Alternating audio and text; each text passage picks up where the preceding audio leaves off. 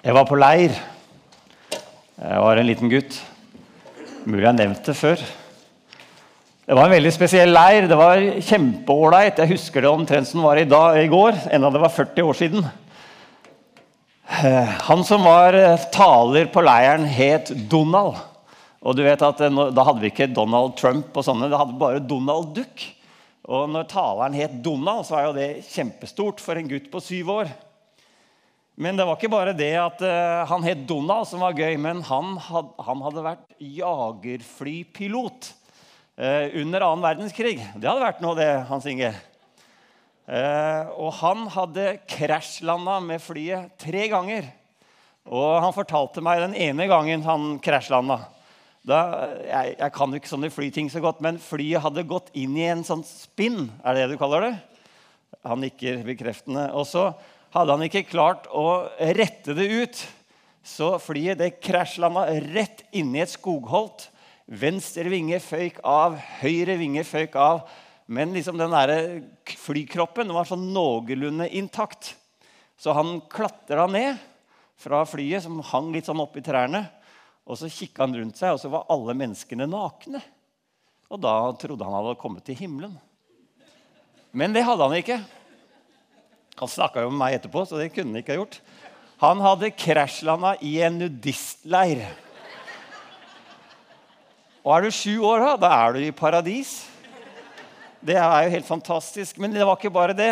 Jeg hadde en kompis på den leiren, og, og vi satt ikke på første benk, ikke på andre benk, men vi satt litt nedpå. Og kompisen min han prompa så høyt at det ble med på opptaket av talen. Da snakker vi paradis. Men det er ikke derfor jeg husker den leiren. Grunnen til at jeg husker den leiren, er at han Donald han tenkte at vi som var barn, vi også kunne få lov å møte Jesus. Og Jeg husker en kveld på den leiren hvor de voksne brukte tid med oss. Og så skulle vi få lov å møte Jesus. Og så vet du hva? Det skjedde noe helt mirakuløst. Jesus fant meg. Og det var en helt sånn magisk situasjon. Jeg opplevde at jeg hadde berørt noe som var guddommelig. Noe som skapte en sånn lengsel inni meg, og som slukka den derre Hva er dette her? Det var mye større enn jeg trodde.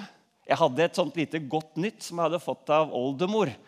Og, jeg kunne knapt lese, men jeg åpna det opp.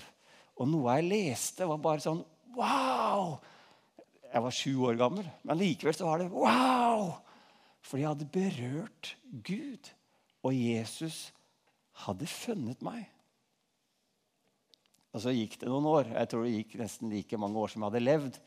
Og jeg ble 14 år gammel. På den tida så, så bodde jeg jo på Hedningemarken. Det er ikke så mange kristne der. Eh, Men vi bodde i Hallelujabakken. Ja, det var ikke navnet på gata, men det var tre kristne familier som bodde på rad og rekke. Eh, Så det var liksom der vi bodde, og jeg ble kalt Mini-Jesus og alle andre sånne kule ting. Eh, Og jeg var veldig glad den gangen vi fikk schæfer, en hund. For da gikk vi trygt i gata. For vi ble banka opp noen ganger. Vi ble det. Ikke så mye jeg, men brødrene mine. Og det var ikke fordi jeg var så veldig sterk, altså. Men brødrene mine ble det. Eh, Men så lå jeg der. Jeg husker jeg var 14 år gammel. Så lå jeg der i senga. Og jeg hadde jo vært mini-Jesus en stund. Men jeg hadde jo ikke hatt noe mer kontakt med han etter jeg hadde vært syv år. Ja, jeg hadde vært på masse møter og sånn, men, men så lå jeg der i senga, og så huska jeg på den der opplevelsen jeg hadde hatt med Jesus da han hadde funnet meg da jeg var sju. Og så spurte jeg Jesus, kan du gjøre det igjen? Og så der på gutterommet, mens jeg lå i senga mi, så kom Jesus tilbake. Og så ble det så sterkt. Så opplevde jeg at han møtte meg. At jeg igjen berørte noe som var så mye større enn meg. Noe som var langt mer enn meg og det jeg kunne tenke på. At han, den store Jesus, den store Gud, hadde tid for meg. Det var helt fantastisk. Jesus har det med oss å treffe mennesker sånn. Jeg vet ikke om du har hørt noen av de historiene sjøl. Vi har hørt mange om de historiene fra Bibelen og på søndagsskolen. En av de vi husker, er han som var på toppen av treet. Eh, husker dere han? Han var kanskje ikke på toppen, men det var en som var veldig rik, og en som var liksom kanskje litt sånn dignified. Jeg vet ikke hva det heter på norsk. Sånn ærverdig. Eh, og så, og så hadde han hørt noen rykter om Jesus. Og så ville han så gjerne finne litt ut av hvem det var. Og så visste han at der kommer Jesus til å gå forbi. Jeg klatrer opp i treet. Og så kommer Jesus gående forbi, og så stopper han, og så kikker han opp. Og da tenker jeg at da er det omtrent som de gangene og det har skjedd mer enn en gang, at, at, jeg har glemt å låse døra på do. Og så sitter jeg der, og så er det noen andre som kommer inn. Det er litt sånn der forlegen situasjon. Litt sånn kleint, er det ikke det? Du sitter der bokstavelig talt med buksa på beina på knærne, og så, og så øh, Hei, jeg vet det er flaut for de som går inn også. Men det er litt flaut for meg som sitter her også, for jeg sitter liksom i en sånn fornedrende situasjon. Ja. Hello.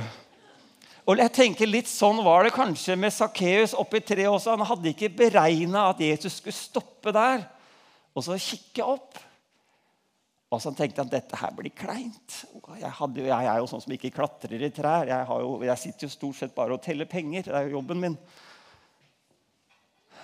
Og så er det en liten, kort samtale mellom Jesus og Sakkeus. Og, og, så endrer det hele livet. Og hva er det Jesus sier, da?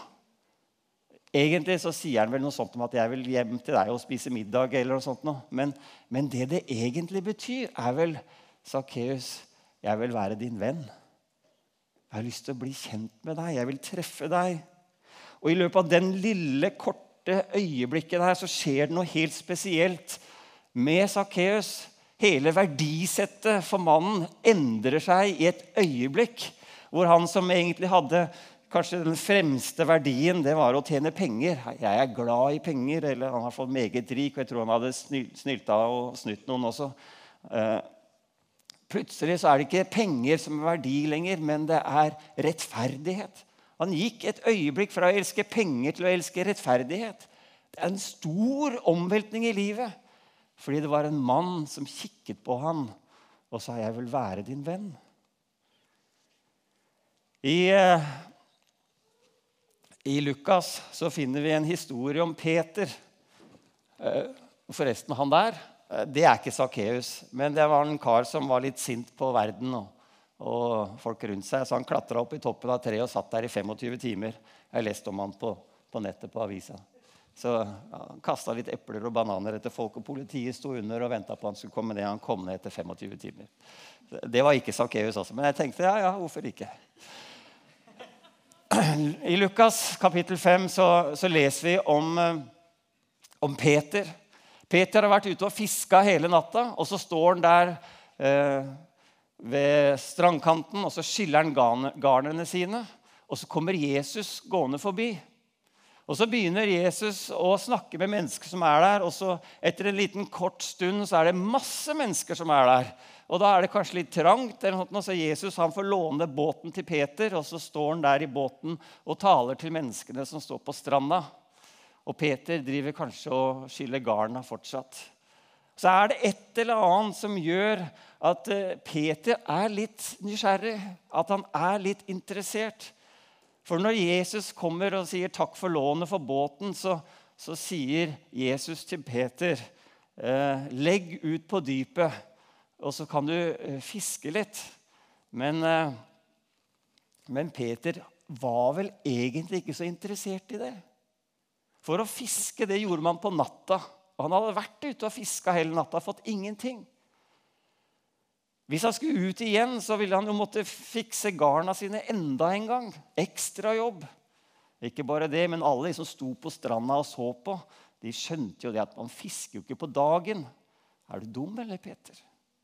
Men allikevel så hadde det var noe som Jesus hadde sagt, som hadde berørt han såpass mye at han tenkte hm, OK, jeg vil, jeg vil allikevel prøve. Jeg ser litt dum ut. Jeg vil kanskje bli litt forlegen. Men, men jeg vil allikevel prøve. På ditt ord, Jesus, så vil jeg gjøre det. Og så går Jesus fra å være en tømmermester som gir gode fisketips til Peter, til å bli herre, hvor han sier Jesus, ikke, du må gå fra meg. Jeg kan ikke være sammen med deg. Herre, jeg er en syndig mann. Og så snakker Jesus og Peter litt mer, og så skjønner vi historien at eh, Jesus sier, 'Bli med meg, Peter. Vær min venn.' I, eh, I, Johannes, I begynnelsen av Johannes så treffer Jesus en kar som heter Philip. Det står det i Johannes kapittel 1. Dagen etter ville Jesus dra til Galilea. Da fant han Philip, og han sa til ham, 'Følg meg.' Og Det er tydelig at det, å finne noen er ikke bare det å dumpe inni liksom, og tilfeldigvis treffe noen på torget. Men å finne noen er en omskriving av å berøre han. Fordi Rett etterpå så løper Philip bort til vennene sine og så sier han, 'Hei, du dere, jeg har funnet han som Moses snakker om, og som profetene har talt om.' Følg meg. Det er to utrolig korte ord for en utrolig svær oppgave. Det innebærer så uendelig mye å følge Jesus. Og Noen av oss skulle gjerne hatt en plan heller å følge. Det er mye lettere å si ja hvis vi vet at det finnes en plan. Vi skal gjøre sånn, og så skal vi gjøre sånn. Men Philip får ikke noen plan. Peter får ikke noe plan. Det er bare 'følg meg'. For Peters del så kunne planen være sånn. Peter, hvis du blir med meg, så skal jeg vise deg åssen eh, man eh, helbreder de syke. Jeg skal vise deg åssen vi får de døde til å bli levende igjen. Jeg skal vise deg åssen du kan gå på vannet.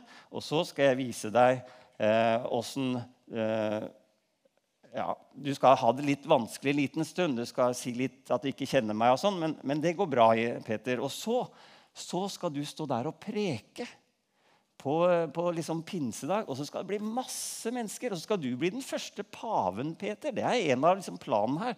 Og så, når det er ferdig, så skal mennesker i hele verden, i alle land Der skal foreldrene sitte og så skal de gi barna sine navn etter deg, Peter. Det høres ut som en god plan. Og ikke bare det, men, men men du, Peter, skal være en trøst for alle de som har en sånn tendens til å snakke før de tenker. Og, og, ikke bare det, men du skal være en som oppmuntrer alle de som tryner.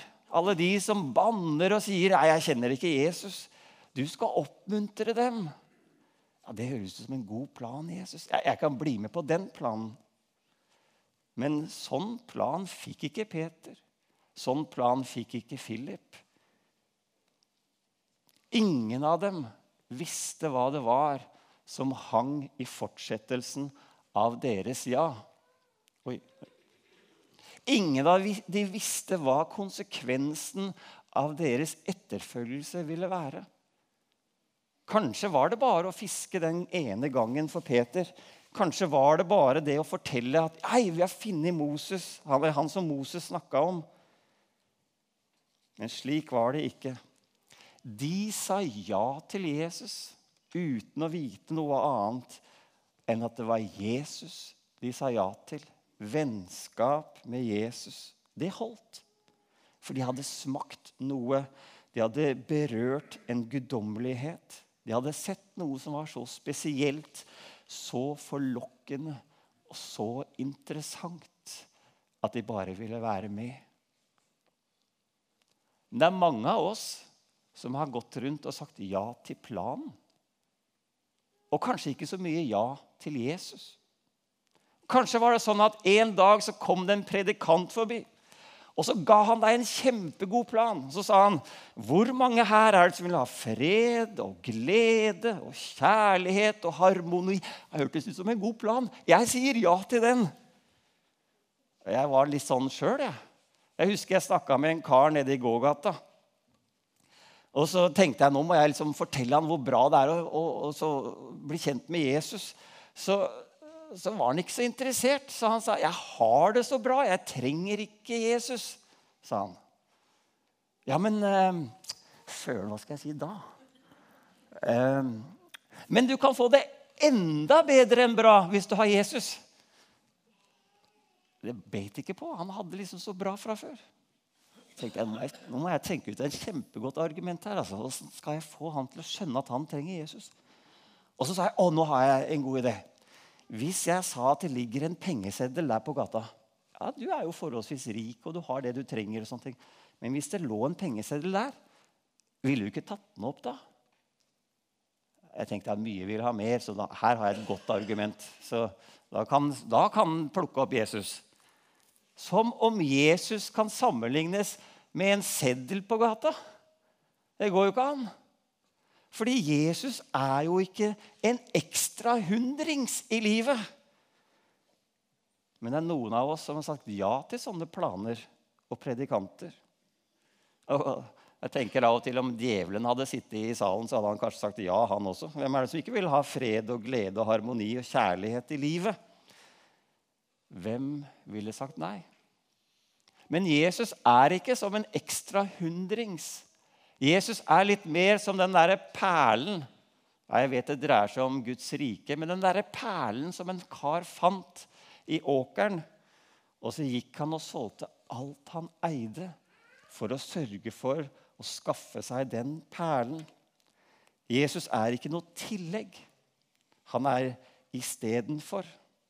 Han har ikke lovet oss et lett og godt liv med masse kjærlighet og trygghet og glede og harmoni.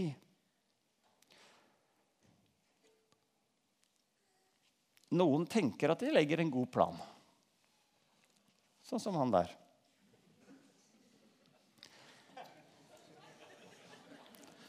Jeg, litt, eh, jeg tenker at Han har jo tenkt mer enn noen av oss. Han skal jo få den greia over.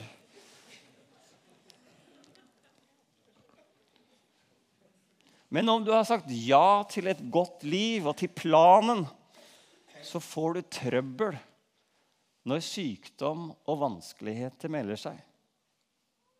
Når ting ikke blir som planen garanterer, så tenker du at søren nå, her er det noe som ikke er riktig.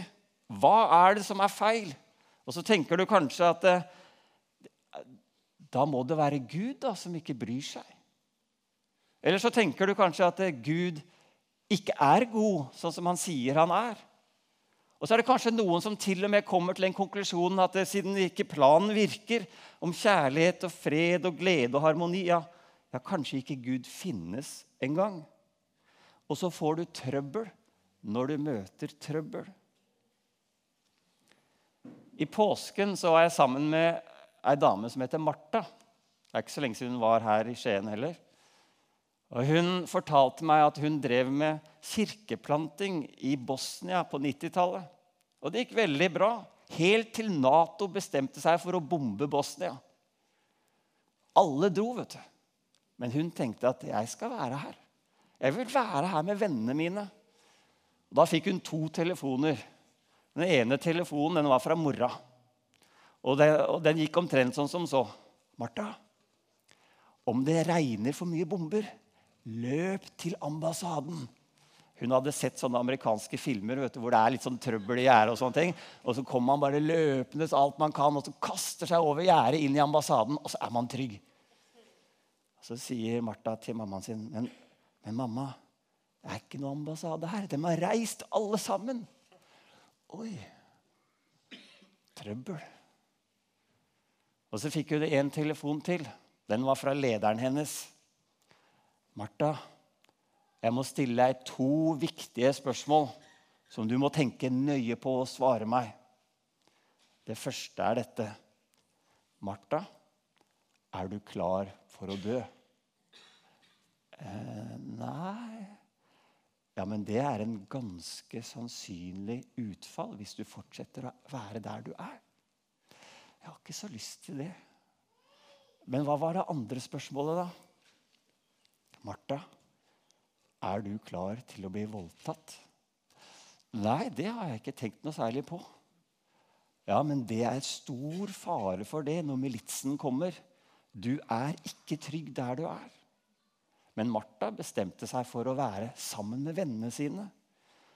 For hun hadde sånn kjærlighet til dem. Og så kom militsen. Og så tok de tak i bilen hennes først og velta han over ende og tente på hele greia. Da gikk bestemora, som hun bodde sammen med, ut. Og så var det bare Og så tenkte de med militsen at jeg må bare gå. Og så dro de. Og så var Martha trygg. I hvert fall for en liten stund til. Og så tenkte hun ut hva, dette her blir for skummelt. Jeg må dra. Og så fikk hun tak i en annen bil, en sånn UiO-bil. De kalte bilen for Frank the Tank. Men det var en sånn solid, bra bil. da. UiO-bil er ikke så bra biler, egentlig, hvis du har vært borti noen av de. Så hun fikk låne den, satte seg inn i bilen, og så begynte hun å kjøre mot Bulgaria. Og hun hadde full fres. Og hun venta hver sving hun tok. Så tenkte hun der kommer de til å stå. Der dreper de meg. Der tar de meg. Men det gikk bra.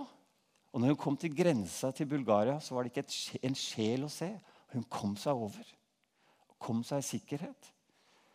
Og så møtte hun vennene sine, ikke de i Bosnia, men de andre rundt i, i tjenesten der. Og så sto de der og så sang de lovsanger. Og så begynte de å synge en sang, en sang som du sikkert har sunget en gang, du også.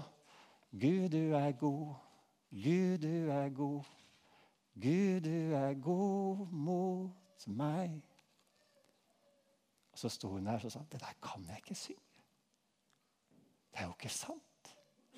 Vennene mine er jo under bomberegnet. Over 1000 bomber som faller der. Det er jo ikke sant. For hun hadde møtt trøbbel. Og Så begynte hun å stille spørsmål. Er det sant at Gud er god? Er det sant at Gud bryr seg?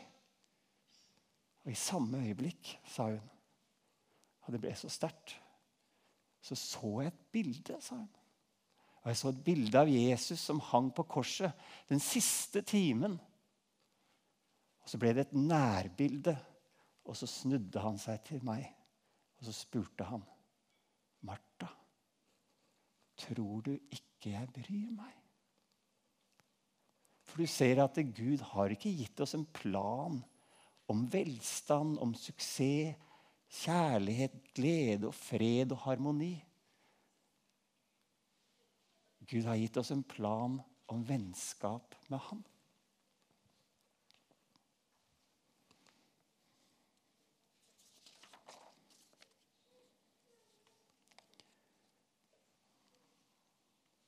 Jesus var veldig tydelig han sa, 'Jeg har ikke lovet deg et godt liv. Den som skal følge meg, må ta sitt kors opp og følge meg.' Hva betyr det å ta sitt kors opp? Altså, Jesus har ikke engang dødd på korset når han sier dette her. Men i tiden da så var det sånn at romerne de henretta mange mennesker. Og rundt omkring så sto det ferdiglagte kors som, som romerne brukte for å undertrykke folket. Og, når noen ble dømt, så måtte han ta korset og så måtte han bære korset til henrettelsesstedet. Og så ble han korsfesta. Det var ikke bare Jesus som ble korsfesta, mange andre også. Paulus sier at alle de som vil leve et gudsfryktig liv i troen på Jesus, skal bli forfulgt. Det er ikke snakk om et lett og enkelt liv. Og rosinen i pølsa, eller nøkkelen. Det er det Jesus sier når han sier Den som finner sitt liv, skal miste det. Men den som mister sitt liv for min skyld, skal finne det. Og Nå snakker vi ikke om å dø eller leve, men vi snakker om å fokusere på eget liv eller gi av sitt eget liv. Og hvis det er noe sannhet i at det å følge etter Jesus gir deg glede, fred og kjærlighet i livet, så er det nettopp det du får når du gir livet ditt. Når du gir det du har. Når du følger etter Jesus og gir. Vi snakka om Philip, og vi Ja, sorry, den glemte jeg å vise her. Det er trøbbelet du får når du setter deg sjøl som mål. Det var det eneste jeg kunne finne av et bilde da. Men det er klart at hvis du lever for å digge deg sjøl, så kan det godt hende du lever godt en stund. Men hvis du vil leve et rikt liv, så må du endre mål fra deg sjøl og til noen andre. For Jesus sier det er mye bedre å gi enn å få. Vi snakka om Philip, og etter at eh, han ble møtt av Jesus, ble funnet av Jesus, så, så er det som han dukker ned under radaren. Og så snakker vi ikke så mye om, om Philip. Men så i Johannes kapittel 6 så dukker han opp igjen. Og, og, dette er jo en interessant situasjon. Her, her, er det masse mennesker som følger etter Jesus. Og så, og så kommer Jesus gående bort til Philip, og så sier han ehm, Jesus løfta blikket og så en stor folkemengde og kom til ham. Han sa da til Philip, 'Hvor skal vi kjøpe brød, så alle disse kan få noe å spise?' Dette sa han for å prøve ham, for han visste selv hva han ville gjøre.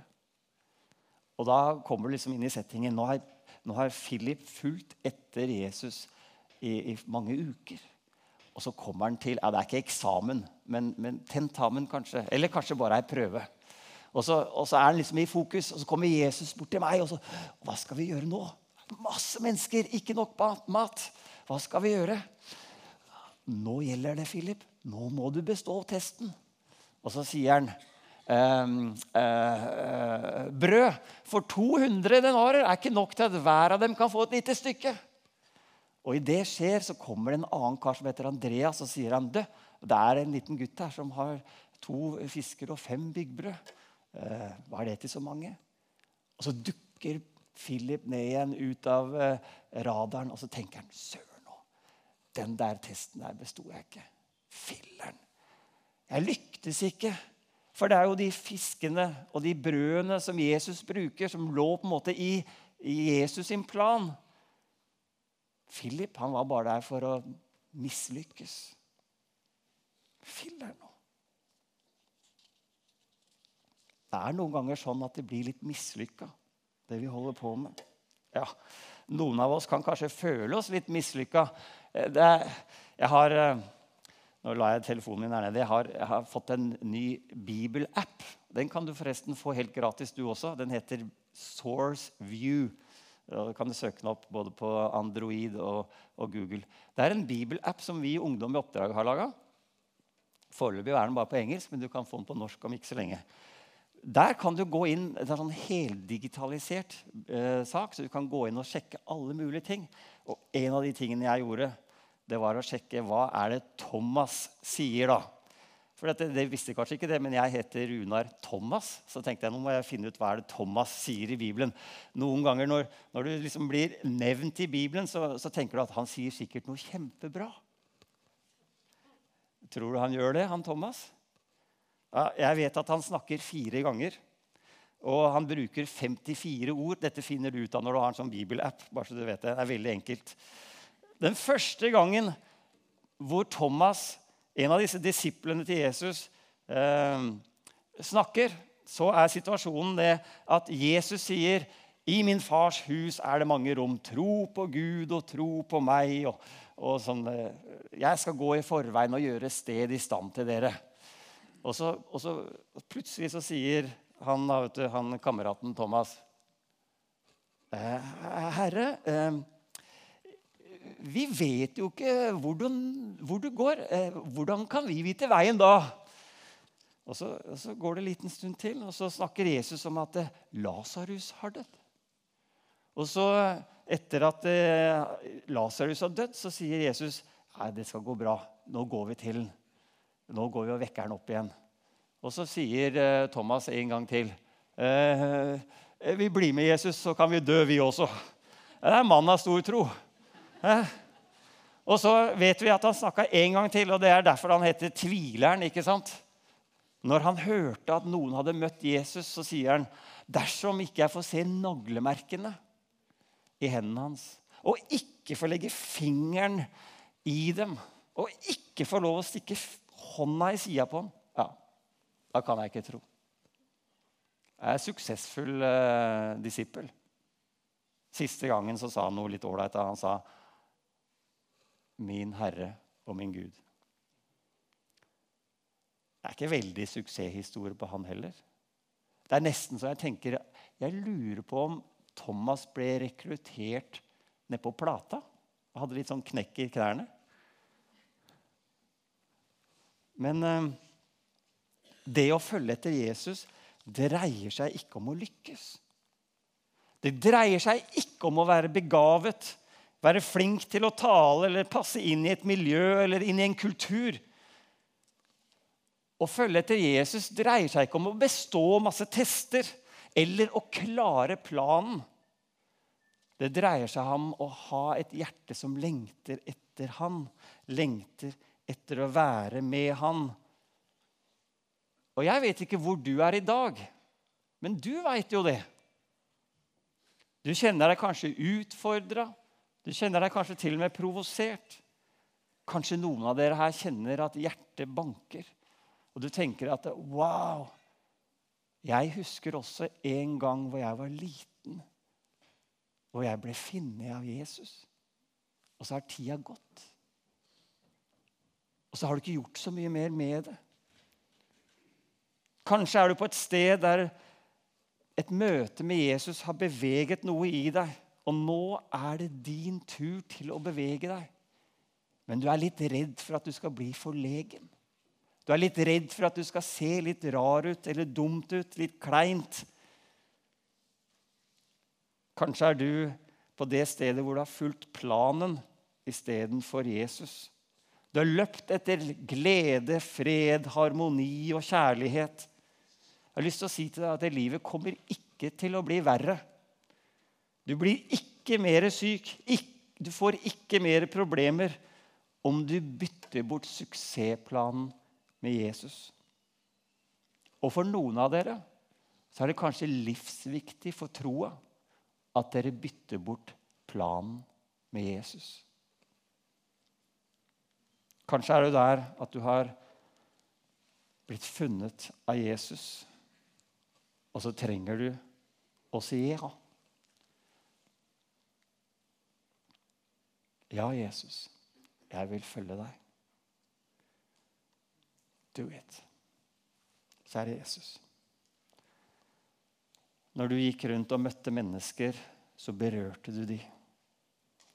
Vi ber Jesus at du skal berøre oss som er her i dag. Og så var det bare et lite svar du trengte. Peter som sa ja. Ok, på ditt ord, Herre, så skal jeg prøve å fiske. Et enkelt, kort steg i respons til hva du sa.